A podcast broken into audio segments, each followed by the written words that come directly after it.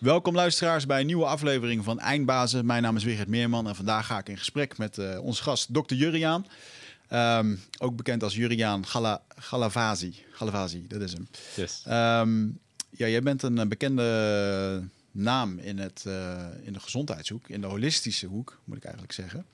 En uh, wat denk ik heel bijzonder is, is dat je, je bent officieel arts, toch? Je bent officieel dokter. Jazeker. Op mijn uh, sticker staat gewoon huisarts. Ja. Dus, uh, ook lang huisartsenpraktijk gehad eigenlijk. Um, april vorig jaar heb ik de, mijn patiënten zeg maar overgedragen aan iemand anders. Ja. Maar ik ben nog steeds huisarts en ja. Ja, want zolang als dat ik jou volg en ken, en dat is denk ik twee, drie jaar, um, ben je voor mij geen huisarts. Ja, weet je, hier kunnen we vervallen in de, de, de, regeltjes en de protocollen waaronder we iets wel of niet verstaan. Ik denk dat ik mijn huisartsenvak um, uitoefen zoals het oorspronkelijk bedoeld is. Vanuit uh, waarbij we de mens centraal stellen en um, vanuit daar kijken in wat voor een omgeving die de persoon leeft en ja, hoe die persoon zich voelt en wat daarop van invloed is. Eigenlijk zoals het oorspronkelijk ooit begonnen is. Ja. Maar geleidelijk aan uh, geprotocoliseerd en gemechaniseerd. Want uh, rond welk tijdperk is het zo begonnen en wanneer is het zo geprotocoliseerd? En ja, wat is daar een beetje het verloop in? Ja, ik durf het niet te zeggen. Ik kom zelf uit een nest waarbij mijn vader uh, echt uh, het toonbeeld is van de klassieke huisarts, 24-7 voor zijn patiënten. Nou, En die dat ook gewoon kon met nog, uh, nou voor degene die dat nog bekend is, gewoon met de groene kaart. Dus alles ging gewoon met de hand. En hij, hij, wist alles van iedereen. Gewoon ja. hoe de familie in elkaar zat, wat ze deden, hoe een huis eruit zag, of ze huisdieren hadden, wel of niet. Um, en geleidelijk aan tijdens mijn uh, opleiding is dat langzaamaan steeds meer ja, in, in, een soort keurslijf gedwongen. En zeker vanaf 2006 ben ik uh, de praktijk ingegaan. En werd het steeds meer geleid door de zorgverzekeraar. Om te kijken, om ja, toch ook de enorme toenemende zorgvraag, om die een beetje in goede banen te leiden. Mm. En ik denk dat dat ook vanuit de allerbeste intentie, nog steeds vanuit de allerbeste intentie zo gedaan wordt. Alleen de praktische uitkomst is wat minder rooskleurig. Ja, want heb je dan het idee dat. Uh, je, ik, ik herken dat wel, dat vroeger de huisarts kwam nog wel eens bij ons thuis. Met zo'n echt een dokterstas. Een soort Ja. boekentas, maar dan mooier. Met, zo'n, met dat ding wat je dan in je oren doet. Ehm, om, te, om naar een hartslag te, te kunnen luisteren. Maar is de. ehm, het klinkt heel logisch dat een dokter even thuis komt en gewoon even kan voelen van, yo, iemand heeft stress of er is iemand ongelukkig. Dat je gewoon even, je krijgt een soort van omgevingsfactoren mee. Ja. Die, uh, die je niet ziet als op iemand in de, in de praktijk komt en zegt, ja, ik heb gewoon ontzettende stress. Uh, mag ik daar wat voor of zo? Ja. Joh? Ja, en ik denk dat de, iedere, nou ik weet het niet, maar ik denk dat de meeste huisartsen of artsen die kiezen voor het huisartsenvak, dat ook als ideaal hebben om te kijken van oké, okay, hoe kan ik het beste zorg leveren aan, aan patiënten of aan andere mensen op een zo goed mogelijke manier. Mm. En ja, voor mezelf ben ik tot de conclusie gekomen dat het, dat het eigenlijk niet meer ging zoals ik het het liefste zou willen. Omdat de tijdsdruk en alle vinkjes waar je aan zou moeten voldoen, die bepaalden op een gegeven moment meer of je een goede dokter was of niet. En daar, daar werkt de beroepsgroep, maar daar werken ook, zeg maar, nou, ieder ander als zijn persoon die bij een dokter komt, die werkt daaraan mee. Want je wordt als dokter vooral afgerekend op de snelheid en de kunde waarmee je iemand van zijn klacht afhelpt. Ja. En nou ja, ik geloof erin dat je lijf slimmer is dan je of dat je kop slimmer is dan je lijf. Nee, zelfs verkeerd. Dat je lijf slimmer is dan je hoofd. In de zin van dat je, uh, ja, als je daar klachten hebt, dat het je eigenlijk iets wil vertellen. En dat het dan dus waardevol is om te kijken van, uh, ja, wat wil mijn lichaam me eigenlijk vertellen? En wat mag ik veranderen in mijn leven zodat het weer goed en kloppend is voor mij? Ja. En dan kan het dus waardevol zijn om iemand iets langer in verbinding te houden met zijn klacht dan dat je hem zo snel mogelijk van zijn klachten afhelpt. Ja. Dan mis je misschien allebei wel een afslag. Ja, en is dat uh, om even heel erg of een voorzetje te geven dat als iemand bijvoorbeeld komt met een huiduitslag, uh, die wil daar vanaf, dan is het makkelijk om, de, om een zalfje te geven. Maar het komt van binnenuit. Ja, exact. Ja. Ja, en, en die zelf die helpt, uh, die zelf die helpt uh, geheid. Waardoor de persoon in kwestie zijn pad weer kan vervolgen. Terwijl het misschien juist wel het pad is wat hem ziek maakt. Doordat er te veel stress is op school of misschien wel gewoon in het gezin of in het werk.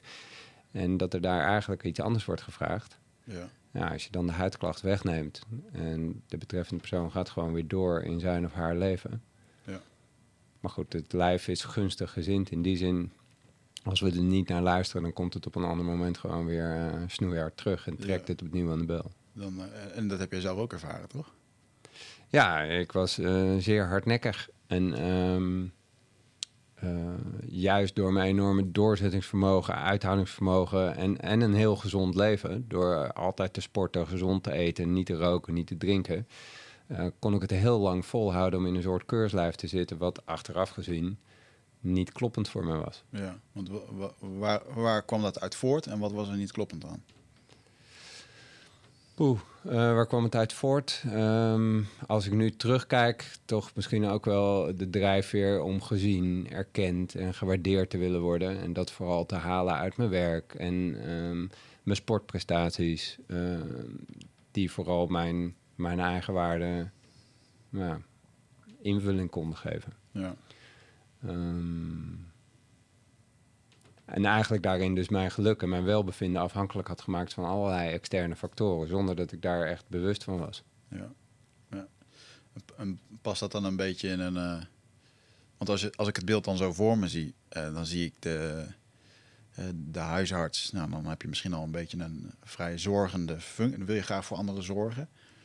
Je wil ook nog eens een keertje de beste zijn. Je hebt topsport gedaan ook? Of op Ja, een- op hoog niveau wel atletiek bedreven, later ook triathlon. Ja. Dus ik leefde als een, to- als een topsporter. Ja. Ja. En, eh, en daar eh, ook nog iedere keer je grens in willen, willen verleggen. Dan, eh, dan kan me inderdaad wel voorstellen dat je op een gegeven moment tegen een lamp aan, aanloopt. Ja, nou ja, ik heb je boek gelezen. Prachtig boek trouwens. En ja, zoveel punten van herkenning. Ik denk dat we in dat opzicht niet zo heel veel van elkaar verschillen. En ehm, eh, pushen, doorzetten, volhouden, het allerbeste uit jezelf halen is natuurlijk dat is een super waardevolle eigenschap. Hmm. En er is, er is wat mij betreft niks mis met perfectionisme, totdat je het nodig gaat hebben om je goed te voelen. Ja. Dan krijgt perfectionisme en het, het beste uit jezelf halen en de beste prestatie leveren, krijgt leiding over jou. In plaats van dat jij nog leiding hebt over eh, een goede prestatie neerzetten. ja. En wanneer merkte je dat het... eh, wanneer merkte je dat de eerste scheurtjes bij jou eh, erin kwamen? Nou, ik werd pas echt definitief tegen de grond geslagen toen, ik, eh, toen het thuis niet meer ging. Ehm, ik daar weg ben gegaan en... ehm, Thuis bedoel je je, je ouderlijk huis? Nee, mijn, eh, in het gezin waarin ik toen zat. Dus een vrouw, drie kinderen. En ehm, nou, merkte dat het daar gewoon niet meer ging. Naar mijn moeder toe gegaan. Daar zes maanden lang eh, gezeten. Dat wist zij aan het begin natuurlijk nog niet. Maar, En even voor, om een beeld te schetsen voor de luisteraar. Je bent nu... Hoe, hoe oud ben je nu? ik ben nu 47. Je bent 47. En hoe oud was je toen, toen dit gebeurde? Ja, 2012, dus eh, negen jaar terug. Ah, ja. Dus 8, 39. Ja. En ehm, nou, toen burn-out geraakt in mijn werk, echt alles neer moeten leggen. Eh, en toen had ik al wel heel snel door dat de reguliere zorg me daar niet ging helpen... en dat ik het lijntje met mijn gevoel had te herstellen. Ja. En toen werkelijk alles gedaan wat je maar kan bedenken op, ehm, nou, op coachingsgebied en allerlei soorten therapieën. En toen kwam ik er geleidelijk aan dus achter dat heel veel mensen die bij mij komen gewoon in de spreekkamer, dat het helemaal niet over de klacht gaat, maar dat het eigenlijk gaat over iets anders. ja. Ja, en als ik terugkijk met eh hartritmestoornissen, eh tig keer ehm, tegen het asfalt aangeslagen met fietsen, eh, schouder gebroken, rug gebroken en nog was ik niet tot stilstand te dwingen. Als ik achteraf kijk, dan waren er zoveel signalen waarbij eigenlijk mijn lijf echt zei van wow, je time-out, stoppen, stoppen, stoppen. ja. En, eh, maar goed, op een gegeven moment kon ik echt niet meer verder. En daar ben ik super dankbaar voor, want dat was eigenlijk het moment dat ik, nou, dat ik dacht van oké, hier, ik moet echt iets met mezelf gaan doen. ja.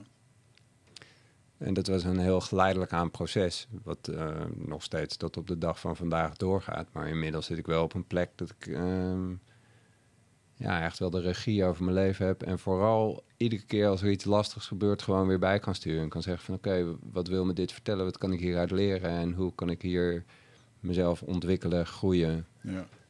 En weer een bijdrage leveren. En zat daar een worsteling in, in het feit, ik kan me heel erg voorstellen dat je, ehm, ik ervaar dat zelf wel eens, dat ehm, ik, ik, ik, ik heb ook een soort van eigen imago, identiteit van de spreker in persoonlijke groei en ik vertel anderen hoe het moet. En, en zelf heb ik af en toe ook momenten dat het echt niet lukt of dat ik gewoon aan het klunten ben met mezelf. En dan kan ik me echt heel erg over veroordelen. Dus ik kan me voorstellen dat je als arts zijnde eh, andere mensen helpt. En, en dat je op een gegeven moment zelf in op een punt komt dat je jezelf niet kan helpen. Dat het echt heel eh, tragisch moet voelen voor jezelf. Ja, um. Ik had het nooit van mezelf verwacht. Ik had echt uh, gedacht dat ik gewoon mijn leven volledig op de rit had. En Ja. toen op een gegeven moment... eh, het moment staat me nog gewoon glashelder voor de geest... Dat mijn, dat mijn vader bij mij de spreekkamer in kwam lopen... en dat hij zei van... Goh, joh, hoe gaat het eigenlijk met je? En dat ik toen echt gewoon door de knieën ging... en moest erkennen dat het gewoon, dat het gewoon niet meer ging. Het ging gewoon niet meer. Mhm. Ik kon het thuis niet trekken, ik kon het in mijn werk niet meer trekken. En eh, er was nog maar één mogelijkheid. En dat was echt stilstaan en eh, alles laten vallen. Ja. Ja, dat voelde wel eh, als een enorm falen natuurlijk. Ook omdat ik al, mijn- precies wat je zegt, mijn hele identiteit was daaraan opgehangen. Ja. Dus wat blijft er dan van over op het moment dat dat allemaal wegvalt? Ja. Heel weinig. en uiteindelijk dus heel veel. Omdat, ja, dan heb je nog maar met één persoon te dealen en dat ben je zelf. Ja. Wat, was het, eh, wat was het eerste wat je in die herstelfase met jezelf hebt gedaan... waarvan je, waarvan je echt tot mooie inzichten bent gekomen over jezelf... of dacht van oké, dit, is- dit is heel goed voor me? Ja, dat is wel. op- Dat, nou, dat verdient misschien wel om. Ik geloof inmiddels niet meer in toeval. En om het, om het een beetje eh, in een verhaal te zetten. ehm, drie jaar daarvoor ging mijn, mijn tante die ging emigreren naar Cyprus toe. En op, dat, op die afscheidsbijeenkomst kwam ik iemand tegen en die deed eh, de helende reis. De journey therapie van Brandon Bays. En eh, zij vertelde daarover hoe dat precies in elkaar zat. En terwijl zij dat verhaal vertelde, popten bij mij allemaal mensen op... waarvan ik dacht in mijn praktijk van... wow, maar dat zou goed zijn voor die persoon of voor die persoon. Dus ik ben toen vervolgens iemand op gaan zoeken die bij ons in de buurt zat. En ehm, die heb ik opgebeld en ik zeg van... nou, ik ben wel benieuwd wat je doet, kan ik een keer langskomen? Nou, dat wilde ze natuurlijk maar al te graag. Want eh, ja, eh, een reguliere dokter die met iemand contact zoekt... die meer op een holistische manier kijkt, dat was toch bijzonder. Ja. En met haar een gesprek gehad. En toen heb ik heel veel mensen naar haar toe verwezen. En zij zei van, joh, joh, als je nou ooit een keer wil, dan eh, kom maar. En de, de jaren verstreken natuurlijk.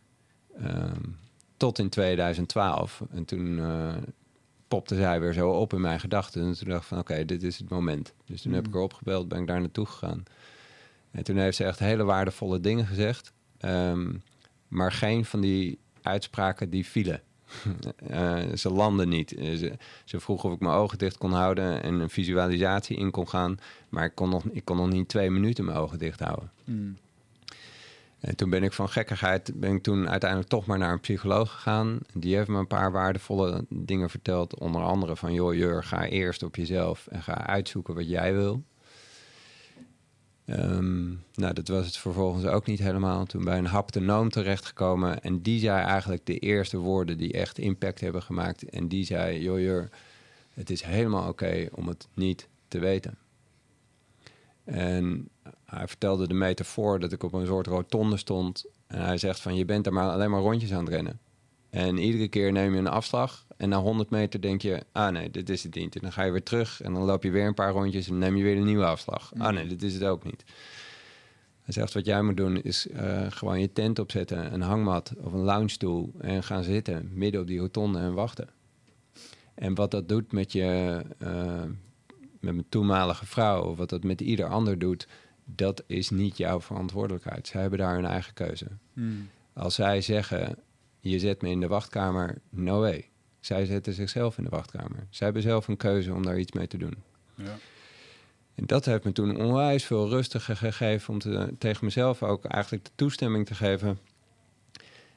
Neem je tijd. En werk aan jezelf. Eh, herstel het lijntje met je eigen gevoel. Kijk wat daar gewild wil worden. En ehm, ja, daar toen heel veel coachingsprogramma's ook gedaan om te kijken waar ik me, mezelf eigenlijk gewoon eh, niet de verantwoordelijkheid durfde te nemen. En die weer terug te pakken. Ja. Ook zie ik wel weer het patroon terug dat je heel erg ehm, bezig was met het zorgen voor je, voor je vrouw en voor je kinderen om hun niet lastig te vallen met jouw uh, sores. Ja, ik, eh, daar kwam natuurlijk van alles voorbij. um, hoe vaak en nog herken ik dat wel, dat ik me verantwoordelijk kan voelen voor de gevoelens en de emoties van een ander. Het, het, grote verschil is dat ik het nu zie, dat ik het voel en dat ik direct bijstuur. Ja. En vanuit een andere plek dan met iemand kan zijn. Zonder het idee te hoeven hebben dat ik de, de lastigheid van de ander moet gaan fixen. Ja.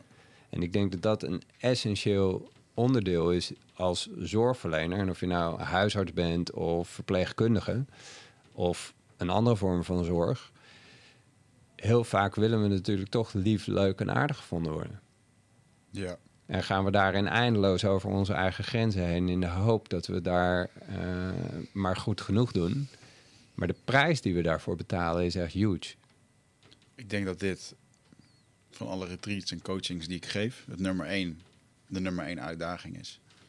Of het nu voor je ouders is, voor je team, voor je werk, voor je baas of uh, ja altijd maar zorgen om uh, geliefd uh, te zijn en te worden. Ja, en natuurlijk vinden we het fijn om geliefd te worden. Ik bedoel, eh, het is natuurlijk fijn. Weet je, als jij mij ziet, erkent en waardeert... of je slaat een arm om me heen, hartstikke gaaf. Hmm. Um, maar er zijn ook momenten dat wanneer wij een verbinding met elkaar hebben... dat jij het misschien niet kan geven. En kan ik dan op dat moment goed voor mezelf zorgen? Of leg ik dan nog steeds bij jou de plicht op dat jij mij moet erkennen, zien en waarderen of mij een goed gevoel moet geven? No way. Ja. Dat is helemaal niet jouw plicht. Ja.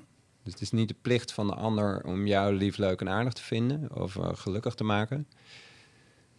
En als je dat kan voelen, dan geeft het echt onwijs veel vrijheid. Dan ontsla je de ander van de plicht om jou te erkennen en te waarderen. En dat geeft dus ook jezelf de mogelijkheid om helemaal te mogen zijn wie jij bent. Mm. Nou, dan wordt het echt een. Dan wordt het een. Nou, dan kan je er echt zijn voor een ander. Door heel goed voor jezelf te zorgen. Ja. Mooi inzicht. En ehm, is, uh, je vertelt heel open dat je allerlei therapieën bent gegaan, dat je naar psycholoog bent gegaan. En, ik bedoel, um, ik ben er zelf ook een, groot voorstander van om dat vooral te doen. Maar ik merk, ik kan me voorstellen um, dat in jouw praktijk dat het soms een hele lastige boodschap is om tegen iemand te vertellen: uh, je hebt gewoon hulp nodig. En dat heel veel mensen daar een bepaald beeld bij hebben van ja, moet ik dan naar een psychiater of naar een psycholoog? Uh, of psychiater is misschien wel een volgende stap, maar een, een psycholoog.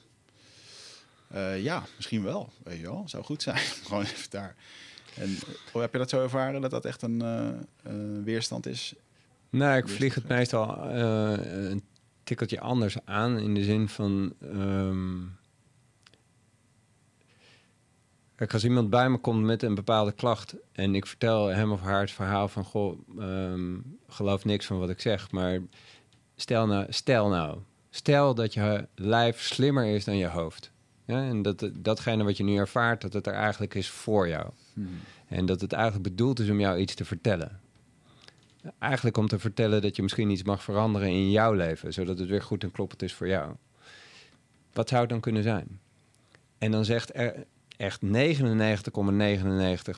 die weet exact wat ze eigenlijk te doen hebben. Hmm. Dus dat ze het lastig vinden om grenzen te stellen, um, uh, te druk zijn, te heftig, te weinig tijd voor zichzelf nemen, of uh, een relatie die niet kloppend is, of een relatie met de ouders die niet kloppend is, of een, een kind waar ze zich verplicht voor voelen om die heel erg gelukkig te maken.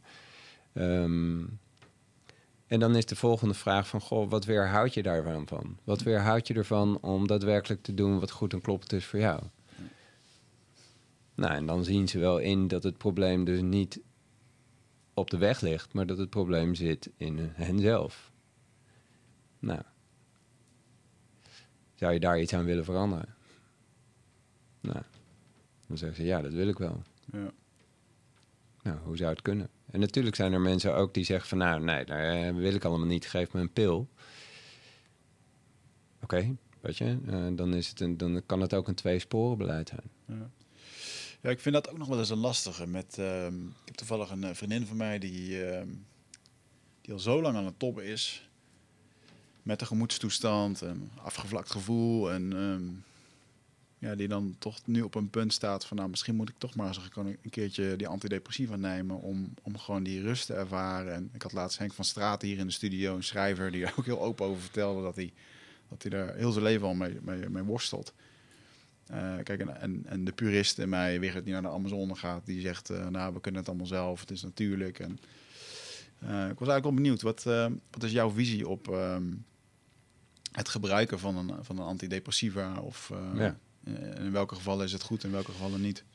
Ja, goede vraag. Um, vooropgesteld, ik ben ik ben niet pro en ik ben niet contra. Ik denk dat de, de, farmaceutische industrie en uh, de medicatie die daaruit voortkomt, die, die kan ook zeer, zeer zinvol zijn. Als iemand, uh, nou, je noemt het voorbeeld van somberheid of depressie, als iemand echt in een, dunk, een donker gat terecht is gekomen en die ziet nergens meer een lichtje schijnen en die staat helemaal stijf van spanning en paniek en die slaapt niet meer, hmm. dan kan het echt super waardevol zijn om die even een handje te helpen uh, door tijdelijk medicatie te gebruiken.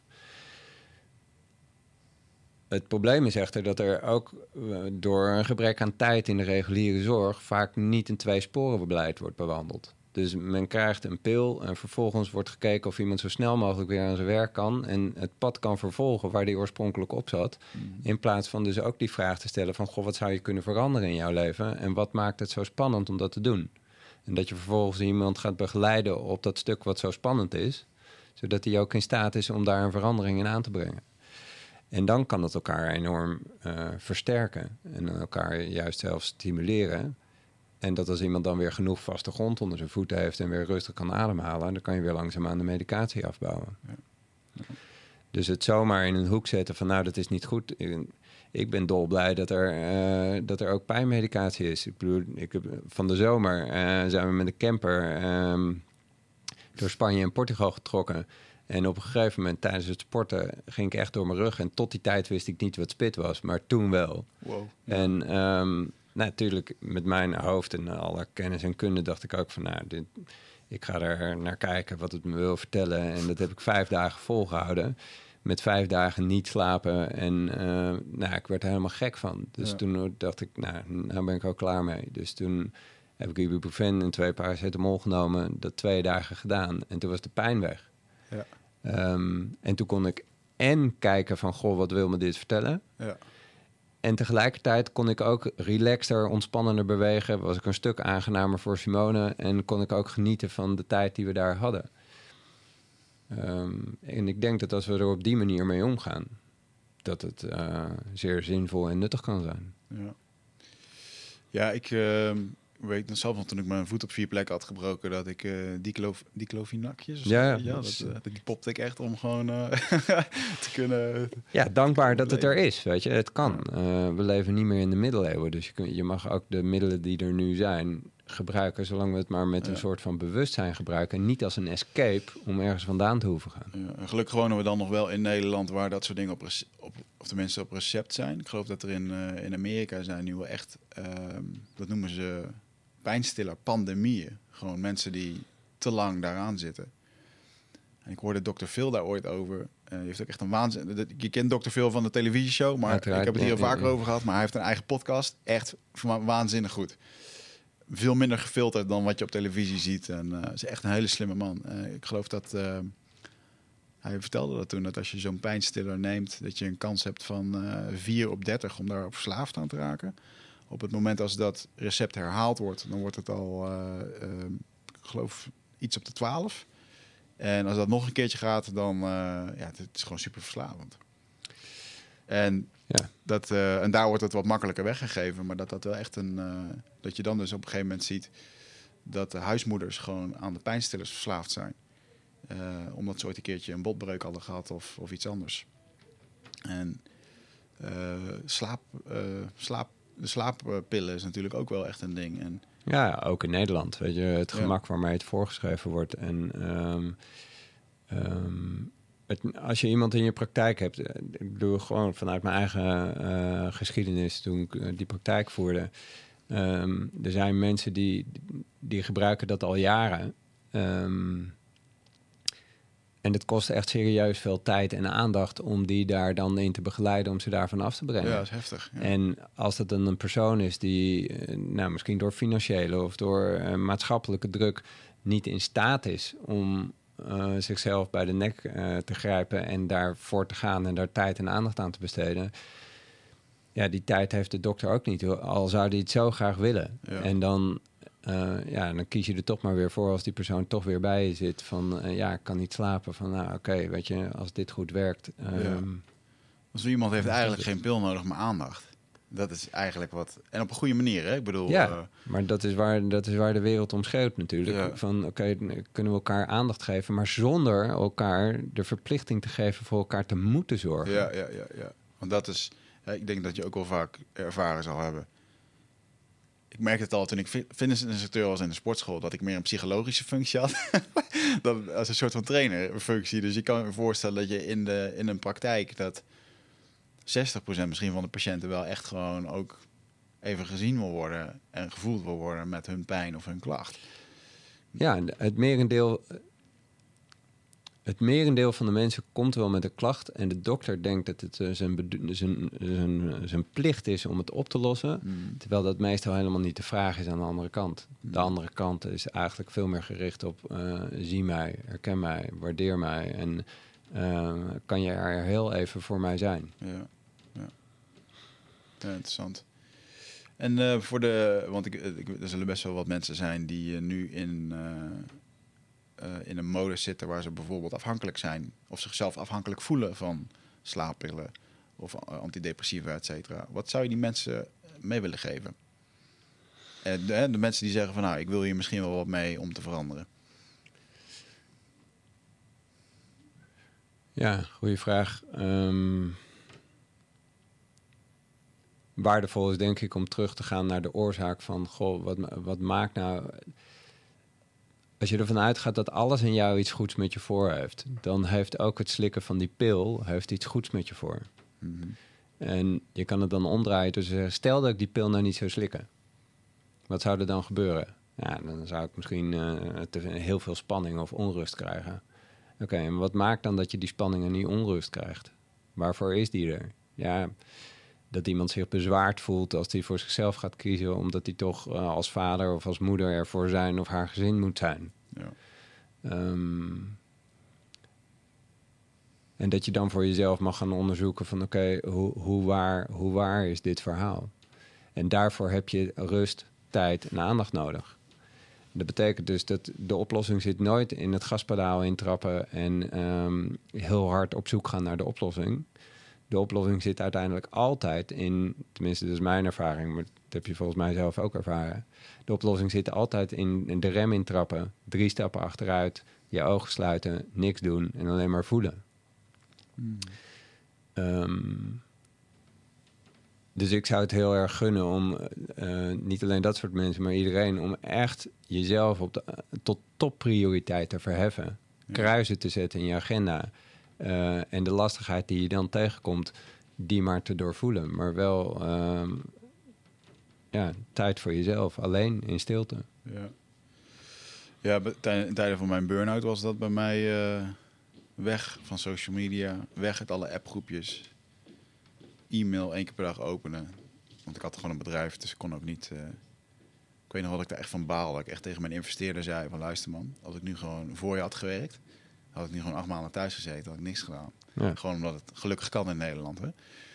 En ehm, anderzijds heeft het me ook wel weer. ehm, anderzijds zit ik daar ook wel eens aan te denken. Heeft het misschien ook wel voorkomen dat ik in een soort slachtofferrol ben gekomen, omdat ik een verantwoordelijkheid had. En ik denk dat dat misschien nu ook wel een van de kwalijke dingen is met mensen die in een burn-out komen of in een moeilijke tijd. Dat die een soort van, die worden geacht om zielig op, eh, met een dekentje op de bank te liggen en beter te worden. Terwijl ik denk juist dat het ook goed is om gewoon wel wat te blijven doen. Om, ja, eh, Ja, misschien wel, misschien niet. Ik ja. denk dat het voor iedere persoon eh, kan het verschillen. Ehm, de bottom line wat mij betreft is altijd... draagt jouw actie of jouw gedachte... draagt die bij aan de relatie tussen jou en jezelf. Mhm. En ehm, ja, dat kan A, per persoon verschillen. En B, dat is niet statisch. Mm. Ja, wat, wat vandaag voor jou goed en kloppend is, kan morgen weer anders zijn. Ja. En juist door jezelf eigenlijk iedere, vraag die iedere dag de vraag te stellen van hoe gaat het eigenlijk met mij? En ehm, als ik nou echt vriendelijk voor mezelf zou zijn, wat zou ik dan vandaag willen? Of wat zou ik doen? Of wat zou ik laten? Dat helpt je om op koers te blijven. Mm. En iemand het advies geven eh, van je moet je goed voor jezelf zorgen, je op de allereerste plek neerzetten en ehm, rust, tijd en aandacht aan jezelf geven. In essentie is dat een waardeloos advies als je iemand niet ook begeleidt in het proces wat hij dan gaat tegenkomen. Ja. Want op het moment dat we in de stilte gaan, dan wordt dat niet meteen opgevuld met iets goeds. Nee. Je komt eerst een heleboel shit en onrust tegen. En hoe ga je daar dan mee om? Lukt het je om daar te blijven of schiet je weer in de oude bekende reflex om weg te komen van dat lastige gevoel? Ja. Eh, maar al te vaak kiezen we toch niet zozeer vanuit een verlangen, maar kiezen we veel meer vanuit ehm, de wens om bij een bepaalde lastigheid weg te komen. Ja. Een- Ja. Een escape. En daar waar jij vroeger altijd ja zei en dan opeens nee gaat zeggen, maar geheid dat je omgeving daar iets van gaat vinden. En niet alleen je omgeving, maar jij ook, waarvan je eigenlijk voor jezelf voor klakkeloos voor waar hebt aangenomen dat het jouw verplichting is om iets te doen. Ja. Dynamieken. Omgevingsdynamieken. Ja, we worden beïnvloed. Ja. Ja. En ehm, om even een zijsprongetje erin te maken, dan heb je ook nog. eh, ben, je, eh, ben je bekend met het familieopstellingen, familiesystemen Zeker. en zo ook wel? Is dat, mag dat ook meer aandacht krijgen in Nederland? Ja, eh, super waardevol systeem. Eh, ehm, ja, mooi dat je dat zegt. We zijn onderdeel van een sociaal, maatschappelijk en een biologisch netwerk. Dus het, het is waardevol om dat netwerk af en toe zo op te stellen en te kijken van, goh, wat is mijn positie in dat netwerk? Hmm. Hoe is mijn positie ten opzichte van mijn vader? Hoe is mijn positie ten opzichte van mijn moeder? Of ten opzichte misschien wel van mijn grootouders of mijn kinderen of mijn partner? En eh, wat doet dat eigenlijk met mij? Zeer waardevol om dat in kaart te brengen. Hmm. En dan opeens tot de ontdekking te komen dat eh, ja, bepaalde verhoudingen helemaal niet zo gezond zijn als dat ze lijken.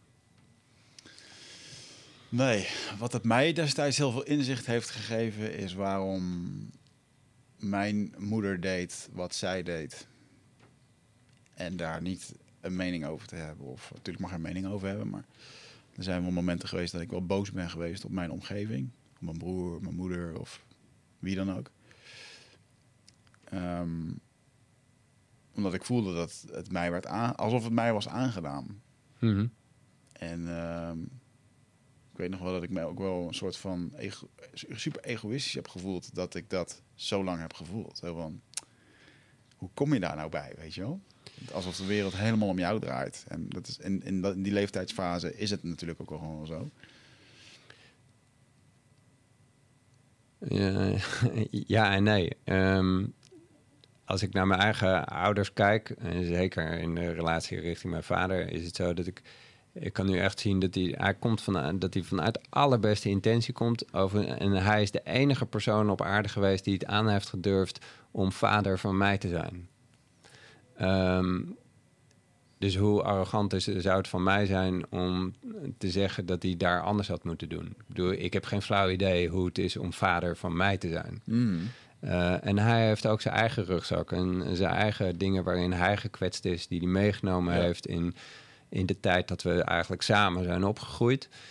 Ehm, dus ja, ik kan hem heel erg waarderen en eh, de liefde voelen voor zijn vaderschap. Maar hij heeft me ook gekwetst. Mhm. En dat mag er, wat mij betreft, kan dat er allebei zijn. Ja. En eh, nou, je bent zelf vader en je weet misschien hoe het is om eh, en heel veel liefde te kunnen voelen voor je kind. En tegelijkertijd er af en toe ook eh, heel erg boos of kwaad over te kunnen zijn. Ehm, ik zeg altijd, in, mijn vaderschap heb ik mijn kinderen af en toe wel eens wat langer onder water willen houden dan eigenlijk goed voor ze was. Ehm, en tegelijkertijd kon ik een on- onvoorwaardelijke liefde voelen. Mm. En mag het naast elkaar bestaan? En wat mij betreft mag dat naast elkaar. Dat je tegen een ander kan zeggen van... ik vind je op dit moment eh, een verschrikkelijk mens. Je irriteert me mateloos. En ik hou ook van je. Ja. Ja, ik denk dat heel veel mensen de, de dualiteit daarin voelen dat dat een soort van niet mag. Hè? Dat je, Ja, en daarin komen we in een enorme spagaat natuurlijk, waarin iets in ons vindt dat we moeten kiezen. En op het Ja. moment dat je vindt dat je moet kiezen, ga je altijd verliezen. Want als op het moment dat je vindt dat je de ander lief, leuk en aardig moet vinden, of iets voor de ander moet doen, dan geef je misschien op aan jezelf. En als je voor jezelf kiest, dan geef je eigenlijk op aan de ander. En die dualiteit, die, gaan, die spagaat gaan we nooit oplossen. nee, En als je, dat, als je dan jezelf kan toestaan om de spagaat te zien... en jezelf kan toestaan dat je dat niet op hoeft te lossen... wow, dat geeft echt zoveel ruimte. Want dan, dan is er nog maar één... dan heb je in ieder geval de vrijheid om te zeggen van... oké, wat is dan eigenlijk goed en kloppend voor mij? Want Ja. de intentie waarvan ik uitkom is... eh, dat is gewoon een hele zuivere plek. Ik wil niks liever dan liefde geven en liefde kunnen ontvangen... Dus dat betekent dat ik altijd vanuit de allerbeste plek kom. ja, Ja, en dat kan anders ervaren worden door de ander. ja. Dat kan. Ja, en ik denk dat er ook echt wel een generatieverschil is. Wel, jij bent tien jaar ouder dan ik, maar ik zie wel dat de opvoeding van vroeger en hoe onze de generaties voor ons zijn opgevoed, dat daar echt wel een, ehm, ja, hoe zou ik het zeggen? Er zit gewoon een verschil in, in de zin van hoe mensen naar zichzelf keken. De, wat meer de vrouw die voor de man moest zorgen. Als ik kijk naar mijn opa en oma, weet je wel. En dan, ja, goed, mijn moeder is opgevoed door mijn opa en oma. En, en dat is ook gewoon meegekomen. Daar zitten gewoon generaties aan tradities, rituelen, trauma's en allerlei andere dingen in. Ja. En ehm, ja, af en toe dan, ik heb nu 2,5 jaar, of mijn dochtertje is bijna drie nu. En dan soms dan ben ik boos en dan kan ik gewoon zeggen, yo, Lea, papa is nu gewoon even super boos. Ik vind het niet relaxed wat je nu doet. Of Ja, cool. je kan nu eventjes niks goed doen bij me. Eh heeft niks met jou te maken, maar ehm, het is even zo. En die drie, driejarige kan dan ook wel naar me kijken. En dan, ja, weet je, dat is- het is in ieder geval gewoon uitgesproken. Er is een soort van communicatie in plaats van dat ik boos of wat je vertelt. Ja. En dan wordt het zo zuiver. Sterker nog, ik denk door dat waard te laten zijn, wordt jouw liefde voor haar nog meer waard. Hmm, In plaats van dat het een soort van zelfsprekendheid dat je vader of je moeder je altijd lief, lief vindt. Nee, het is geen zelf van, vanzelfsprekendheid. Het is niet for granted dat je ouders er altijd maar voor je zullen zijn. nee. Dus op het moment dat je een kind kan laten voelen dat je, dat je er op een gegeven moment echt heel erg klaar mee bent.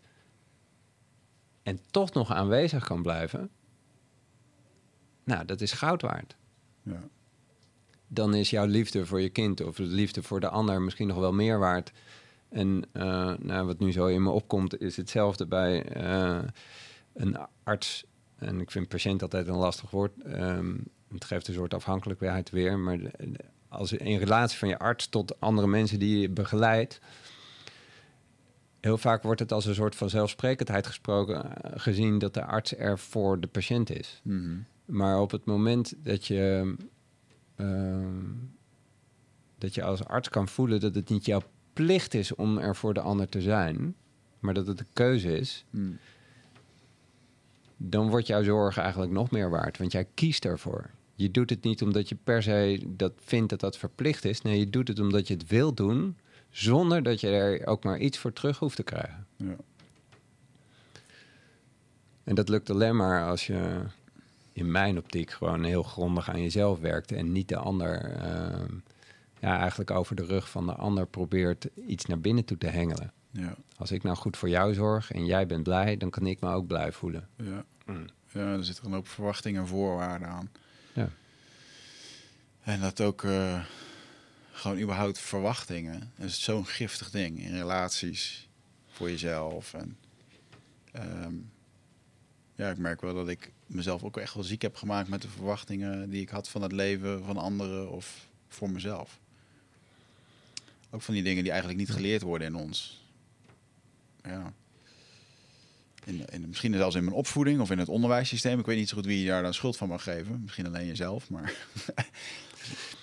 ik denk dat niemand schuldig is. Het, het, is gewoon een proces wat zo langzamerhand uh, aangeleerd mm -hmm. wordt. En dat, je, dat we dat klakkeloos voor waar aannemen. Um, ja. Eh, als je nu kijkt naar... ehm, want eigenlijk waar we het nu over hebben... is een stuk emotionele ontwikkeling. Denk je dat de geneeskunde... of de, de, huidige, de huidige artsen van vandaag... dat die voldoende getraind worden...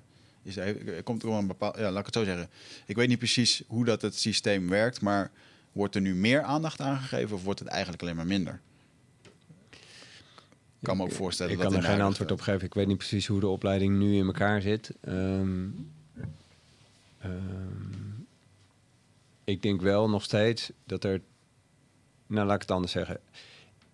Persoonlijk denk ik dat het super waardevol zou zijn als iedere arts ook tijdens zijn, eh, zijn opleiding een proces doormaakt en begeleid wordt in persoonlijke ontwikkeling. Mhm. Om te kijken van, goh, waar, waar, zit, eh, eh, waar zit jouw pijn? Waar zit jouw verdriet? Waarom ben jij gekwetst? Want als je daar geen zicht op hebt, dan ga je proberen om die gaten die in jou zitten, ga je die proberen op te vullen via de relatie met de patiënt. Ja. En dan kan je gaan afvragen hoe zuiver de relatie met de patiënt nog is. Ehm, en dat gaat niet over de intentie. De intentie komt altijd vanuit de meest zuivere plek. Maar als het heel waardevol is om iemand ook wel eens een keertje op die lastige plek te houden en het, en het niet voor de ander te gaan zitten oplossen en te fixen. En die ander die zegt dan dat hij jou geen leuke eh, en aardige dokter vindt of dat hij ehm, weggaat uit je praktijk of wat dan ook. En je gaat dan vervolgens je in allerlei bochten wringen om er toch maar voor die ander te zijn. Ja. Ja, lever je dan daadwerkelijk goede zorg? Ja. Ehm, ik denk dat je daar vraagtekens bij kan zetten. En dat het dus waardevol is dat je zorg levert vanuit de wens om zorg te willen leveren en iemand eigenlijk te willen begeleiden, zodat hij in zichzelf kan wakker gaan kan maken van oké, wat is nou eigenlijk goed en kloppend voor mij? Ja. Kies ik hier voor een pil of ga ik hier daadwerkelijk iets doen aan mijn eigen leefstijl en ga ik een keertje weg uit deze giftige relatie of de giftige plek op mijn werk?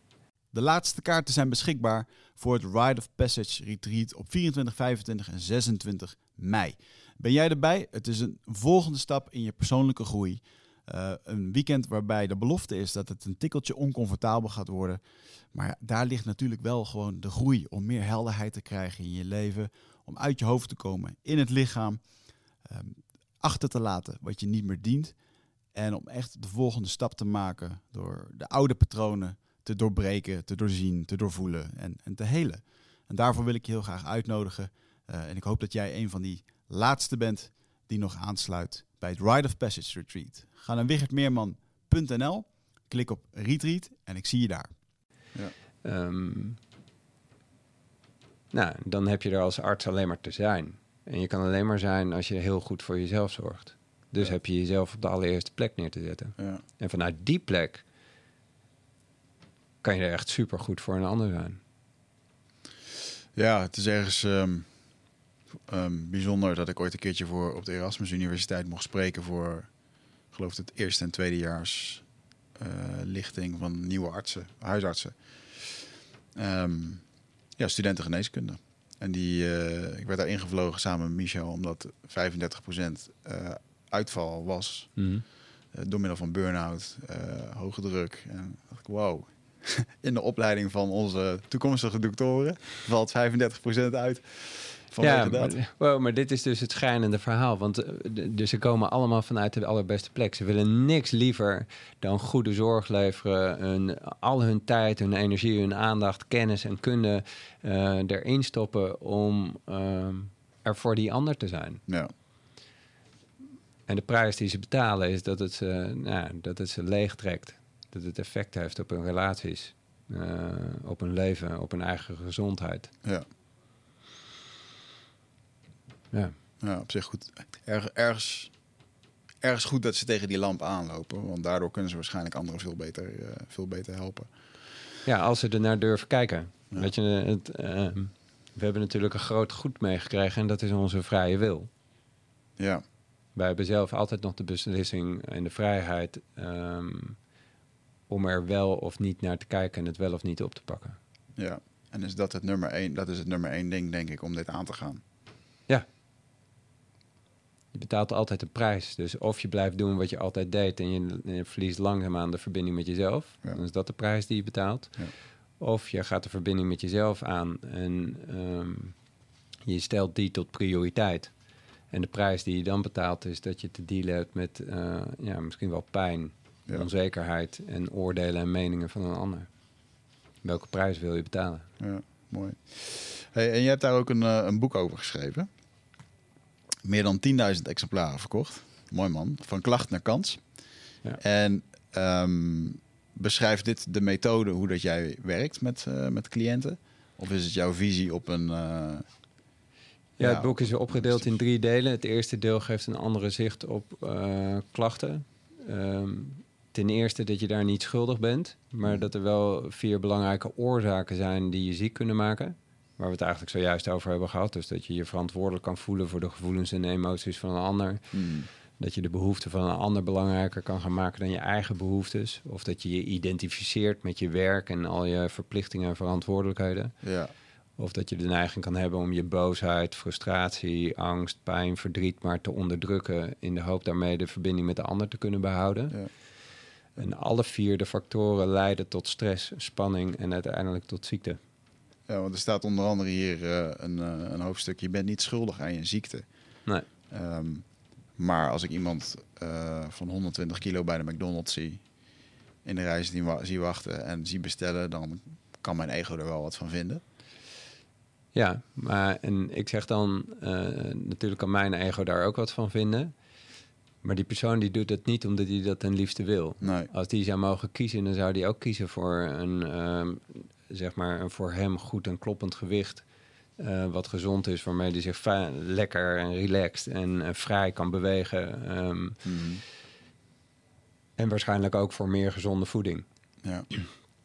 Ehm, maar ook die persoon heeft zijn bagage, waardoor dat eigenlijk de enige mogelijkheid is om zichzelf nog op een beetje manier goed te kunnen voelen. Waarom die daar Omdat het te spannend is om eh, andere beslissingen in zijn leven te nemen. Ja. Omdat als hij dat gaat doen, ook hij misschien er tegenaan loopt dat hij het gevoel heeft dat hij afgewezen wordt en niet goed genoeg is zoals hij is. Ja. Ehm, dus ik ben daar echt veel voorzichtiger mee geworden. Maar tegelijkertijd hebben we, we zijn dan misschien niet schuldig, maar we hebben wel een verantwoordelijkheid. Ja. En je kan dus niet je, je verleden of je huidige omstandigheden in werk of gezin verantwoordelijk blijven houden voor de keuzes en de acties die jij neemt. Mhm. Hij is uiteindelijk, de persoon die je zojuist beschrijft, hij is uiteindelijk degene die iedere keer weer de beslissing neemt om daar naartoe te gaan en eh, het ook weer in zijn mond te stoppen. Ja. Maar niet schuldig. Ja. Wel verantwoordelijk. ja, mooi. Ja. ja, dat is een hele vergevende kijk eh, naar... eh, En eh, vaak zijn we geneigd om eh, ook, ook zo'n persoon zelf, om zichzelf met de zweep te slaan. Dat ze zeggen van, oh, loser, doe ik het weer. Wat ben ik toch een eikel en het gaat nooit lukken. En eh, laat maar. En ik geloof daar echt veel meer in vanuit een plek van mildheid. Dat je kan zien dat ook dat deel, wat toch weer iedere keer naar de McDonald's gaat, in essentie iets goeds met je voor heeft. Namelijk dat het denkt dat als je dat doet, dat je je dan, gaat, dat je dan goed gaat voelen. mhm. Dus dat, die strategie die klopt. Die klopt van A tot Z. Als ik nou naar de McDonald's ga en ik eet daar iets lekkers, dan voel ik me fijn, voel ik me relaxed en ben ik gelukkig. Maar dat klopt in de wereld van de logica. Maar niet in de, mens, in de wereld van de menselijkheid. Want aan het eind van de rit is die man helemaal niet gelukkig en blij en vrolijk. Nee. En toch is het waardevol om dat iedere keer weer zo te zien... van dat als hij dan naar de McDonald's toe gaat... en er, ja, er toch weer in is getuind... dat hij kan zeggen van... oh ja, maar ik snap waar dit deel vandaan komt. Ja. Het heeft het beste met me voor. Ja. En vervolgens meedogenloos kan zijn in zijn keuze... om te zeggen van oké, maar dit wil ik niet meer. Ik ga hier een andere, ik ga hier een andere route kiezen. Ja, en dan kom je tot de conclusie dat die nieuwe route totaal nieuw is. Je geen idee hebt wat de consequenties daarvan zouden zijn. En dat dat dus rete spannend is. Ja. En dan te erkennen dat het waardevol is om daar steun en begeleiding in te vragen, zodat je dat spannende pad toch aangaat. Ja. En dat je eh, nou, toch in staat bent om datgene te gaan doen wat goed en kloppend is voor jou. En of dat dan een reis is naar de Amazone, of dat je een andere koos of een andere vorm. Of, maar in ieder geval de blik naar binnen werpt en kijkt, oké, met wie heb ik nou eigenlijk te maken? Wie, wie ben ik nou eigenlijk? Ja. Ja, wat wel echt supergoed zou zijn, is dat in die Amazone dan raak je die kilo's zeker kwijt. en heb je ook geen grote gele app. Nou ja, misschien moet je gaan flyeren bij de McDonald's. Ja. Dat zou mooi zijn. Hey, en ehm, eh, dan het volgende deel, eh, de relatie tussen jou en jezelf.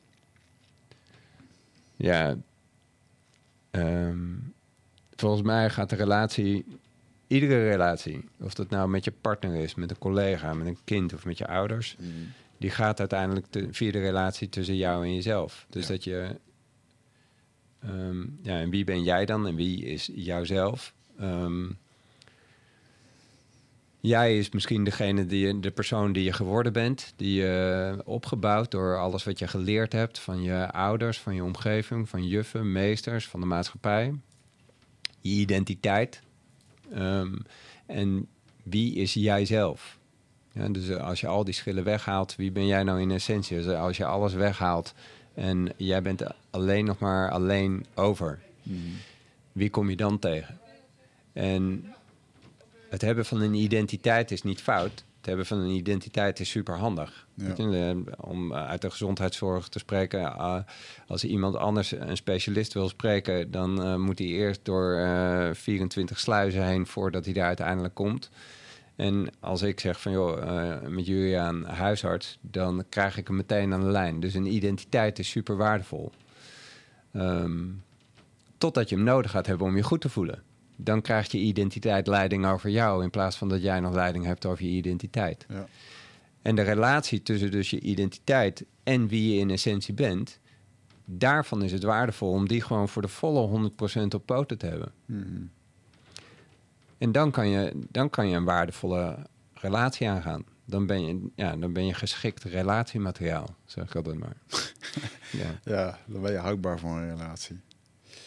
En ehm, wat ik hier dan... ehm, eh, want als ik je zo hoor... En ik, ik ken je wel een beetje en ik weet hoe je over dingen denkt. eh, dan hoor ik een, een huisarts die heel goed kan verwoorden... over het voelen, ehm, het denken... en wat er uiteindelijk in ons lichaam gebeurt. Ehm, maar je bent zelf ook wel een beetje op een spiritueel pad geraakt in de afgelopen jaren. Ehm, wat, wat heeft spiritualiteit hiervoor een rol in? In dit wat je nu vertelt hè, bij een Ja, patiënt. En, ja, spiritualiteit in essentie betekent spiritualiteit bewustwording. Mhm. Dus dat je dingen niet zomaar klakkeloos voor waar aanneemt. En eh, spiritualiteit heeft eh, nou ja, vanuit het verleden heeft al snel zoiets van eh, grijze wollen sokken en dan ook nog een hoop wierook, glazen bollen, kettingen met allerlei kralen, stenen, et cetera. Maar ehm, in essentie betekent het alleen maar van goh, waar, ja, waarom doe ik wat ik doe? En klopt dat? Waar, datgene wat ik denk, hoe, hoe waar is dat eigenlijk? En hoe gaat het eigenlijk met mij? Zit ik nog op koers? Mhm. Datgene wat ik nu denk, doe en voel, is dat in lijn met wat goed en kloppend is voor mij? Eh, en ik hou er dus heel erg van om spiritualiteit echt gewoon eh, terug naar te brengen, gewoon met twee benen op de grond. Ja. Waarbij je gaat kijken van, eh, oké, alles wat ik heb geleerd, hoe waar is dat eigenlijk? Klopt dat wel? En oké, ehm, wat zou ik nu kunnen doen in dit moment, gegeven de omstandigheden, zodat ik weer een millimeter op kan schuiven naar datgene wat goed voelt voor mij? Mhm. En als ik nou oprecht vriendelijk zou zijn voor mezelf, wat zou ik daar dan in doen of laten? Dus eh, ja, meer vanuit een soort bewustwording eh, gaan leven in plaats van uit een soort automatisme. Ja, uit de red race. Ja. In iets nieuws. En daarin je eigen, je eigen plek innemen. En uiteindelijk, als jij, als jij 100% jij kan zijn, dan lever je dus 100% van jou aan deze wereld. Mhm. Dus is het waardevol om de relatie tussen jou en jezelf nog 100% je- te krijgen. Ja, Zodat jij kan zijn wie jij bent. Ook als een ander dat lastig vindt. ja. Je, je schrijft in deel 3 van je boek je lijf als perfecte thermometer. Denk je dat spiritualiteit de juiste plek kan krijgen eh, op het moment als ons lijf eh, nee zegt? Hè? En als we echt in een periode zitten van waar je lijf eigenlijk gewoon in, de, in, de, in, ja, in diggelen ligt. Nou, ik denk, eh, het, het kan het moment zijn om te ontwaken. Eh, ontwaken in de zin van dat je, nou wat je net zei, dat je, dat je wakker wordt van uit die red race. Dat je denkt van, holy shit, waar ben ik terecht gekomen? Ja. En dat je besluit om uit de trein te stappen en eerst eens even op het perron zo rond te kijken van, goh, waar ben ik eigenlijk en waar wil ik eigenlijk heen? Mhm. En ja, we hebben een kostbaar instrument. En dat lijf geeft exact aan wanneer het wel of niet oké is voor je. Als je op een plek zit die goed voelt voor jou, dan eh, nou, een bruisje van de energie, vlinders in je buik, zin erin, eh, lachen, blijdschap. En op het moment dat het ja, niet gaat zoals het goed zou zijn voor jou en het niet kloppend is, dan voel je dat ook. Ja. Dan krijg je eh, nou ja, een brok in je keel, druk op je borst. eh, nou, ja, alsof je een bord bedorven voedsel voorgeschoteld krijgt. En als je lijf iedere keer wanneer het niet kloppend is en je van je spoor afwijkt, als je lijf dat op een hele fijne manier zou laten merken, dan zou je natuurlijk verdwijnen in een of andere illusie. Mhm. Dus het doet dat op de meest vervelende manier, zodat je wakker en alert wordt en je in staat gesteld wordt om even stil te staan en te kijken van, hé, hey, oké, wat wil dit me eigenlijk vertellen? Ja. Zit ik nog op koers? Ja. En zo ja, oké, en zo nee, ja, dan bijsturen. Ja. Dus ja, je lijf trekt je direct naar het hier en nu. Kan je wakker maken en meer bewust worden. Dus Ja. dat is de ingang voor ehm, nou, zoiets als spiritualiteit. ja. Eh, Je hebt hier een hele mooie zin, buigen voor je weerstand. Wat bedoel je daarmee? ehm, ja, kijk, iets in ons wil dit heel graag weten. Dat wil weten waar het aan toe is. Mhm. En zo hebben we allemaal onze eigen overtuigingen ook van hoe de wereld in elkaar zou moeten zitten. En eigenlijk is dat een, wat ik noem een arrogante plek. Want daarmee zeggen we van ik weet beter hoe het leven in elkaar zit dan het leven zelf.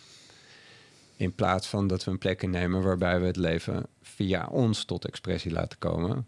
En kijken van oké, wat, wil, wat wil het leven eigenlijk van mij? Mhm.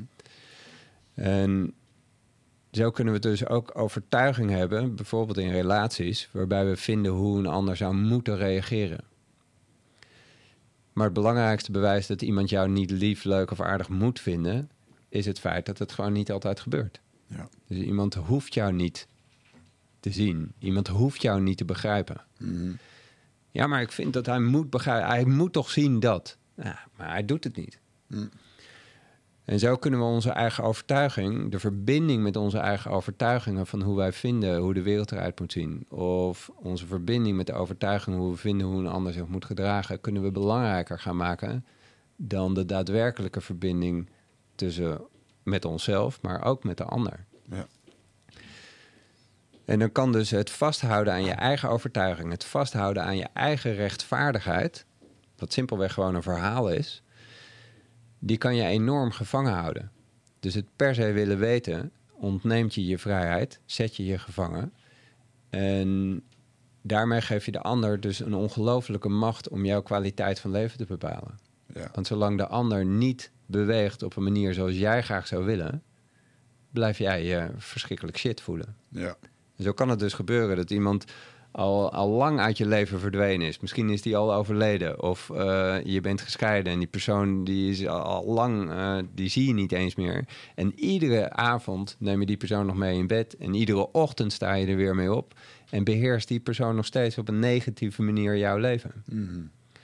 En dan kan het dus waardevol zijn om te zeggen van oké, ik buig voor die persoon. Ik buig voor mijn eigen weerstand. Niet vanuit een plek om de ander ehm, eh, gelijk te geven. Niet vanuit een plek om mij gewonnen te geven en te zeggen van oké, eh, jij hebt gewonnen en eh, jij hebt gelijk. Nee, je buigt voor de ander om jezelf te bevrijden Mm. van je eigen overtuigingen. Dus dank je wel dat je me dit laat zien. En ehm, ik ontsla je hierbij eigenlijk ehm, van de plicht om mij te waarderen. Ja. En ik sta jou niet nog langer toe om op deze manier mijn leven op een negatieve manier te blijven beïnvloeden. Ja. Eh, Dit vind ik wel een heel interessant ding, want ik weet dat er nu luisteraars zijn die, die hier naar luisteren. En die staan morgenochtend voor de spiegel en denken ze, ah, ik zit weer aan Harry te denken. En ehm, dan is het zeggen van deze zin, dat zullen ze dan misschien proberen voor de spiegel en dan denken ze, maar ik voel het niet. Nee, nee, nee. Nou, sterker nog, ze zullen waarschijnlijk onwijs veel weerstand voelen. ja. Want eh, hoezo buigen? Come on, ik ga toch niet... Die gast die heeft mijn, mijn leven vergald. Daar ga ik toch niet voor buigen? En dat is een hele logische beredenering. Ehm, en daarom is het waardevol om dit soort processen eigenlijk eh, in, onder begeleiding te doen. Ja. Zodat iemand je heel langzaamaan zeg maar, kan houden op de plek. Ook de plek van weerstand. En ook die Ja. weerstand heeft iets goeds met je voor. Die weerstand die komt vanuit de allerbeste plek. ja. Maar dat wil niet zeggen dat het ook het beste voor je hoeft te zijn. Dus die, die zin uitspreken en voelen is eigenlijk het eindpunt. Ja, en in de trainingen die ik doe, laat ik ze ook daadwerkelijk niet alleen maar uitspreken, maar laat ik ze ook echt fysiek buigen. Hmm. Zover als dat het lijf en de mind dat toelaat. Hmm. En dan gebeurt er echt iets, eh, ja, iets magisch. Want op het moment dat ze echt helemaal door de knieën gaan voor datgene waar ze zo enorm veel weerstand tegen hebben, dan, ehm, ja, dan komen ze op een plek van een enorme vrijheid, rust en ruimte. Ja, mooi. Ehm, ja, zo zijn al heel veel transformaties hebben er plaatsgevonden. Ehm, Want wat volledig natuurlijk tegen... Het, het gaat tegen al je redelijkheid in. Hmm. Maar de oplossing ligt nooit binnen je redelijkheid. Nee. Die ligt er altijd buiten. Dus ehm, als, ik, eh, als ik een eh, klacht heb en eh, we willen naar kans, ehm, voor wat voor dingen kan ik bij jou terecht? Wat, wat is het waar je mensen aan blootstelt? Nou, als, als er ook maar iets is in jouw werk, of in jouw leven eigenlijk... als er iets is in jouw leven wat niet werkt, waar je tegenaan loopt... en wat jouw leven op een negatieve manier beïnvloedt... dan kan het waardevol zijn om daar naar te kijken. En als je dan bereid bent om daarin, eh, nou, daar vol voor te gaan, Hmm. dat te onderzoeken. Ja, maar ik bedoel meer in de zin van wat, eh, eh, wat voor dingen doe je bijvoorbeeld op retreats of op, of je bedoelt net, je beschrijft Ja. net een evenement. Wat, wat soort, aan wat soort ja, tools stel je mensen bloot? Wat werkt goed? Zonder daarbij je, je geheimen weg te geven. Nou, ik heb geen geheimen. Ehm, ik denk dat het meer zit in de manier waarop ik het doe. Ik heb, eh, natuurlijk gebruik ik heel veel eh, manieren of technieken, zoals je het noemen wilt. Maar ik heb nooit een vast programma. Ik sluit altijd aan op die plek waar de persoon zelf zit. En Mm. daarvoor heb ik een, inmiddels een enorme bak aan bagage wat ik in kan zetten Ja. om eh, wat aansluiten op dat moment. Maar ik heb, ik heb nooit een idee of ik nou één op één of in een, in een driedaagse training. Natuurlijk heb ik een kapstok, maar daarbinnen wij- wijkt het continu af. En ik denk dat mijn grootste kracht erin zit dat ik en heel confronterend en echt meedogenloos kan zijn. En tegelijkertijd heel mild en liefdevol. Hmm. Dus ik, ja, ik ben in staat om een bedding te creëren waarin iemand zi- zich en vertrouwd voelt en veilig voelt. En waarin ik tegelijkertijd iemand ook snoeihard kan confronteren met zijn eigen overtuigingen, daar waar hij zijn eigen verantwoordelijkheid ontloopt. Hmm. Nou, en dat geeft iedere keer een soort wake-up call. Mooi. Maar altijd met respect en liefde. Dus het, eh, altijd aansluitend bij waar de persoon op dat moment is. Zodat het niet mijn proces wordt, maar Ja. het wel het proces van de ander blijft. Hmm. Wat ik een interessant ehm, fenomeen vind, is het eh, eh, trauma en traumaverwerking. En hoe trauma zich opslaat in het eh, lichaam.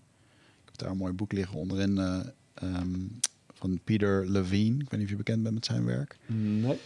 In een unspoken voice. Ja, dat beschrijft hoe dat, het, hoe dat trauma. En dat kan zijn dat je je, pa ooit een keertje je niet de aandacht heeft gegeven. Of juist te veel. En dat dat letterlijk een fysieke. ja, alsof het opgeslagen is in je computer. Dat je daarmee rondloopt. Ehm, maar ik wil hem gewoon even op tafel leggen in de zin van. ah, hoe, hoe, kijk, jij naar, hoe kijk jij naar trauma en traumaverwerking? Heb je daar een bepaald beeld over of een bepaalde visie? Nou, ten eerste denk ik dat we allemaal beschadigd worden. De- Ik, ik ken niemand die on, onbeschadigd uit zijn jeugd is gekomen. Hmm. Dus, ehm, en ja, hmm, het is het even zo te voelen.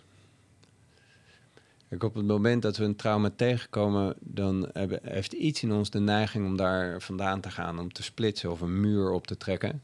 En daar eh, nemen we eigenlijk afscheid van een stukje van onszelf.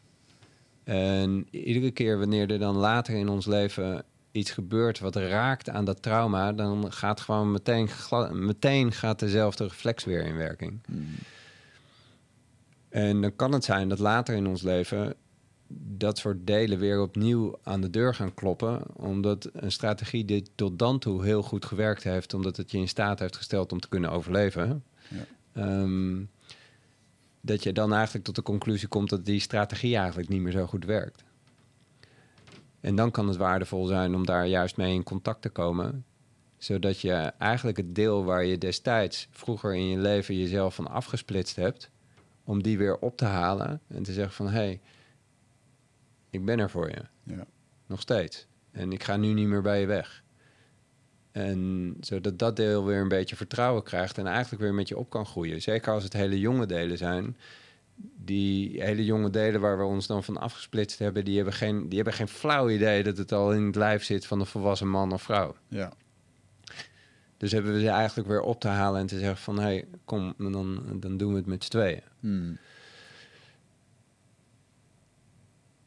En we worden vaak gevormd, denk ik, toch ook wel door, juist door dat soort trauma's. Ja. En dat daar dus een, eh, ook een hele grote kracht, wijsheid en vervolgens ook een leiderschap, leiderschapsrol zit als voorbeeld voor anderen, Ja. mits we bereid zijn om het op te pakken. Ja, het vormt wel echt de kaders van wat je absoluut wel wil of absoluut niet. Ja, Eh, alleen ik denk dat die, eh, die kaders kan je een beetje zien als een soort heg. Eh, en die kan je kort houden. Of je kan hem heel hoog optrekken dat je alleen maar tussen die kaders loopt. Dan wordt het heel erg ondoorzichtig inderdaad. ja mooi gezegd. Ja. Nee, het, het, de- het stuk wat je beschrijft in je, broer- in je boek met betrekking tot, tot je broer ook. Ehm, en, en wat voor een invloed dat heeft gehad op jouw leven. Ehm, het mooie is dat als je dat gaat zien dat het je, eh, en je maakt daar contact mee, dat het je ook onwijs veel kan opleveren. Mhm. Tenminste, wat ik, wat ik heb gelezen uit je boeken is dat het je ook heel veel inzichten heeft gegeven. En eigenlijk een enorm veel leiderschap, ook weer Mhm. nog meer inhoud aan jouw leiderschap hebt gegeven. Ja, zeker wel. Ja.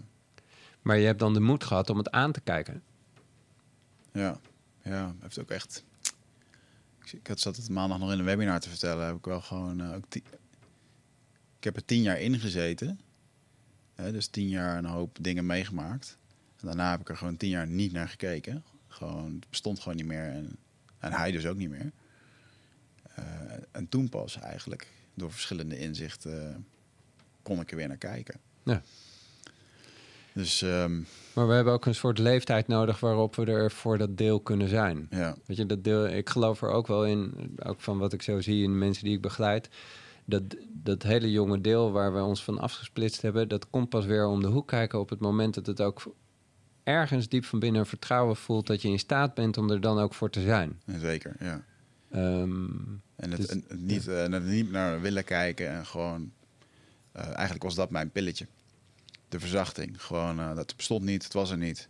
Hoef ik er ook niet over na te denken. En, eh, nee, en in zekere zin heeft het ook heel goed gewerkt. ja, zeker. Het heeft rust gegeven en tijd. En eh, tijd voor mezelf, ja. ja. Hey, en ehm, jij zoekt ook nog wel eens de exotische manieren op om de geest te verruimen. Je hebt jezelf laatste keertje vijf dagen op laten sluiten in een donkere kamer. Dat Ja. vind ik heel erg waanzinnig. Het is nog steeds een droom voor mij om dat eens een keertje te doen. Of een droom, wil ik nog staat op de bucketlist. Een zogenaamd dark retreat. Ja, ehm, Enlight me. ja, ja, nou ja. Ik heb deze. Ik wist ook niet wat me te wachten stond. Dus ik heb ervoor gekozen om dat in een groep te doen. Natuurlijk ga je het proces alleen aan en is het pikken donker en zie je de rest niet. Maar het was eigenlijk een, een geleide dark retreat. Ehm, waarbij we wel inderdaad eh, vijf volledige dagen. Dag zes of dag één was eigenlijk erin komen. Dag zeven er weer uitgaan. En alles wat ertussen zit was complete donkerte. Met ook wel geleide meditaties. En ik heb het echt als heel, ehm, als heel warm, geborgen, liefdevol ervaren. En echt, eh, ja, zeg maar, beelden gezien, ehm zogezegd reizen gemaakt, eh, inzichten opgedaan. Het is, het is de manier om echt alleen nog maar in contact te komen met wie jij bent. Want er, er, is geen, er is niks van andere prikkels. Dus het enige wat je nog tegenkomt, dat ben jij. Ja. En in mijn geval ehm, nou, kwam er bijvoorbeeld ook heel veel ongeduld voorbij. En dan iedere keer weer daar naartoe terug van, hey, oké, nieuwsgierig. Mm. En mezelf laten uitnodigen door het ongeduld om te kijken van, goh, waar komt het nou vandaan? Ja. En weet je, doordat het gewoon een aantal dagen duurt, weet je ook, of tenminste, ik wist dat het geen zin had om me daartegen te verzetten. Want de, of ik nou heel erg in het verzet ging of dat ik niks deed, het werd vanzelf vijf dagen later en op een gegeven moment ging het licht wel weer aan. Dus Mm. Wat kan je doen? Dan kan je maar beter weer de plek van nieuwsgierigheid innemen en kijken van, goh, wat, wat zou me dit willen vertellen? Wat kan ik eruit leren? Hoe kan ik erin groeien of ontwikkelen? En nog belangrijker, hoe kan ik ermee zijn zonder daar iets van te willen? Dus het heeft me nog meer geleerd om te aanvaarden, te zijn, op te merken, te voelen, te onderzoeken Ja. en niks te doen. En, en duurde het extra lang voor je gevoel, of niet? Omdat het donker was? Nee. Nou, er was geen haast. Er was gewoon een beginpunt en er was een eindpunt. En daartussen vond het proces plaats. Ja.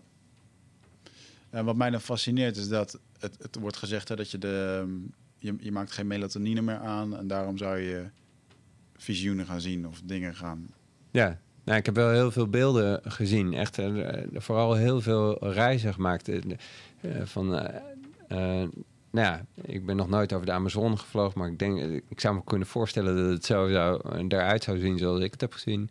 Maar ook kustlijnen, eh, heel veel gebouwen, poorten, gangen. ehm, en echt alsof ik, alsof ik het aan kon raken. Alsof het een soort 3D was, die ik eh, gewoon een bril die ik opzette en dat ik daar doorheen bewoog. Eh, en niet alleen de beelden, maar ook het gevoel daarbij. Hmm. En dat er op een gegeven moment ook echt eh, dat er gewoon fel licht was. Ehm, terwijl het gewoon niet aanwezig was. En ik ook nog dacht van oké, we hebben dan zo'n mindful op om het echt helemaal pikken donker te maken. Maar dan deed ik hem af en dan was het nog steeds donker. Maar ik zag wel in mijn ooghoeken allerlei lichten verschijnen. Dus het is heel apart wat er gebeurt. Hmm. En je daar dan in mee te laten nemen vanuit een soort nieuwsgierigheid. En ja, vooral je laten verwonderen. Ja.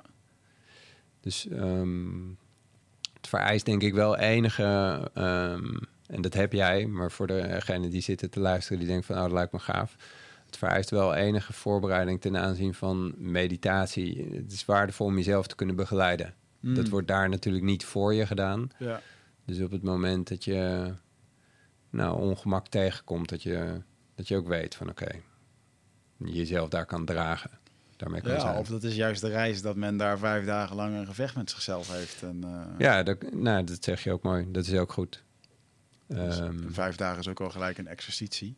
Maar volgens mij is het wel nodig om. ehm, ik geloof dat je na een, een dag of anderhalf, twee dagen, dan beginnen die beelden zich te vormen. Ja, je hebt natuurlijk geen besef van tijd, maar dat is een beetje wat ik hoorde van. eh, ja, het kwam bij mij vrij snel. Ik denk dat het een belangrijke factor is, denk ik, in hoeverre je jezelf in de weg gaat zitten of niet. ja. Wil je, wil je het proces blijven controleren op een manier zoals jij vindt dat het zou moeten gaan? Of ben je bereid om helemaal te zijn met datgene wat er langskomt? ja. En dat is dan eh, direct ook een metafoor natuurlijk naar eh, hoe we in het leven staan. Ja. Zijn we bereid om het leven precies te ontmoeten zoals het komt? Of belasten we het nog steeds met allerlei ideeën, meningen of herinneringen uit het verleden? Ja, ja. Mooi. Wat is jouw eh, mooiste spirituele ervaring die je in de bag of, nou, bag of tricks niet, maar in je bagage hebt? Poeh. ehm. Nou, de meest recente is wel, is wel die Dark Retreat. Dat. Ehm. en ook een andere liefhebberij die ik doe is eh, met vellen onder mijn skis omhoog lopen. En dan weer eh poedersneeuw naar beneden skiën. En ik weet ook nog wel dat er echt hele waardevolle inzichten zijn gekomen tijdens, tijdens zo'n tocht. Normaal gesproken ben ik altijd, wil ik gewoon als eerste boven zijn. En toen heb ik me op een gegeven moment de opdracht meegegeven om achter in de groep en echt gewoon heel langzaam te gaan. Hmm. Was volledig buiten mijn redelijkheid en tegen mijn natuur in. En eh, toen ben ik eh, echt, eh, zeg maar, jankend naar boven toe gegaan. Omdat ik zo geraakt werd. Omdat ik opeens echt contact kon maken met van... oké, dit ben ik. En ik loop altijd maar te jagen. Maar de enige die ik voorbij aan het rennen ben, dat is mezelf. Mm. En ik kon echt ook weer contact maken met gewoon het spelen... en het genieten van de omgeving. In plaats van te denken dat het het meest waardevol is om als eerste boven te zijn. Ja. Maar dat zijn de twee die nu zo opkomen. Ehm, ja, het is een aaneenschakeling van allemaal bewustwordingsprocessen. Ja. Ja. Hoe, ziet, hoe ziet jouw eh, weekly practice eruit om eh, goed voor jezelf te zorgen? Ja, echt kruis in mijn agenda. Tijd voor mezelf. Ehm, iedere ochtend op dezelfde manier starten. En de volgorde kan verschillen, maar er is een moment van meditatie, er is een moment van lezen, er is een moment van schrijven, er is een moment van bewegen. Ehm, ik sluit altijd, bijna altijd, sluit ik af met een soort mantra waarin ik nou, uitga van de mogelijkheid voor zelfvertrouwen, zelfrespect en zelfwaardering. En ehm, dat ik me afstem op de mogelijkheid tot, ja, tot de expressie laten komen van de kostbaarheid die ik vertegenwoordig. En dat ik kom vanuit dankbaarheid en nederigheid en wil komen vanuit liefde en compassie. Mm. Dat is, steeds, dat is steeds weer de leidraad waarvanuit ik mijn dag wil starten.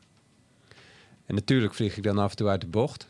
Ook ik eh, ben net zo goed of fout als ieder ander. Dus ik vlieg ook wel eens uit de bocht. Maar door dit iedere keer weer te herhalen, stuur ik steeds sneller bij. Mhm. Dus dat is dat in combinatie met echt ehm, vrije tijd nemen, die ik alleen en zelf doorbreng, dat is helend voor mij. Hmm. Ja. Ben je een Einzelganger? Ha. Dit woord is beladen omdat mijn vader die kon het zo noemen. Ehm, en ik denk. ehm, ik denk niet dat ik geboren ben als Einzelganger. Eh, zeker niet omdat ik. Ik ben, ik ben heel graag in verbinding met anderen. Ehm, maar wel op een manier die ook goed en kloppend is voor mij. Waarin ik kan zijn wie ik ben en de ander ook helemaal mag zijn wie hij of zij is. Mhm. En om daarin goed in verbinding met mezelf te kunnen blijven, heb ik tijd alleen nodig. Ja. En ehm, zonder ik me graag af, ben ik graag in stilte en in eenzaamheid. Maar ik zou mezelf niet betitelen als een Einzelganger. Ik kan heel goed alleen zijn. Ik heb het ook heel hard nodig. Maar ik vind het ook heel fijn om in verbinding te zijn. Mooi. En eh, wat zijn de plannen voor de toekomst voor jou? Wat, eh, wat staat er op het, eh, op het lijstje? Ja, mijn missie is om mensen zoveel mogelijk te bevrijden uit hun geautomatiseerde en geconditioneerde gedachtepatronen en hun lichamen. En zodat ze echt weer kunnen gaan doen wat goed en kloppend is voor hen. En dat ze van daaruit oprechte keuzes kunnen maken. Hmm. Ehm, en dat op alle mogelijke manieren die voorhanden zijn. Dus of dat nou via theatercolleges of via een boek of eh, via één op één. De diversiteit eh, vind ik fijn. Wat ligt er in de toekomst? Nou, dat zoveel mogelijk uitbrengen, Ja. eh, uitdragen. En eh, spiritualiteit, dus bewustzijn, nou, ja, eh, misschien wel onderwijzen of overdragen, maar op een hele aardse en eh, praktische manier. ja, ik denk dat je dat het, eigenlijk het beste doet door het gewoon te doen. En, Absoluut, Ja. ja. En dus is het belangrijk om goed voor jezelf te zorgen. Ja, mooi. Ja. In het kader van goed voor jezelf zorgen en ehm, afsluiten met een positieve noot. we, leven best wel in een bijzonder tijdperk.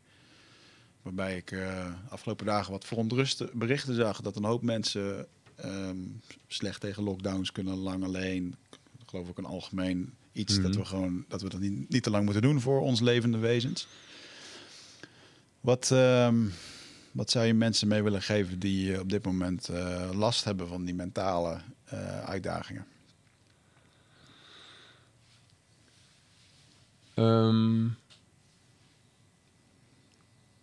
ik denk dat het waardevol is als je jezelf kan toestaan om juist de stilte en de leegte op te gaan zoeken. En als je daarin inderdaad tegen allerlei lastigheden aanloopt, om echt gewoon een begeleiding daarin te vragen. Want Mhm. binnen no time ga je het weer opvullen met misschien een hobby of een verbouwing of om je tijd maar weer te doden.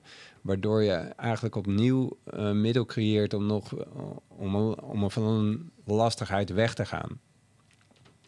En als je dan voor jezelf misschien het idee hebt en het gevoel van ja, eigenlijk zou ik het liefst zoveel mogelijk in verbinding willen komen met wie ik ben, dan kan dat alleen maar door als er lastigheid langskomt om daar contact mee te maken.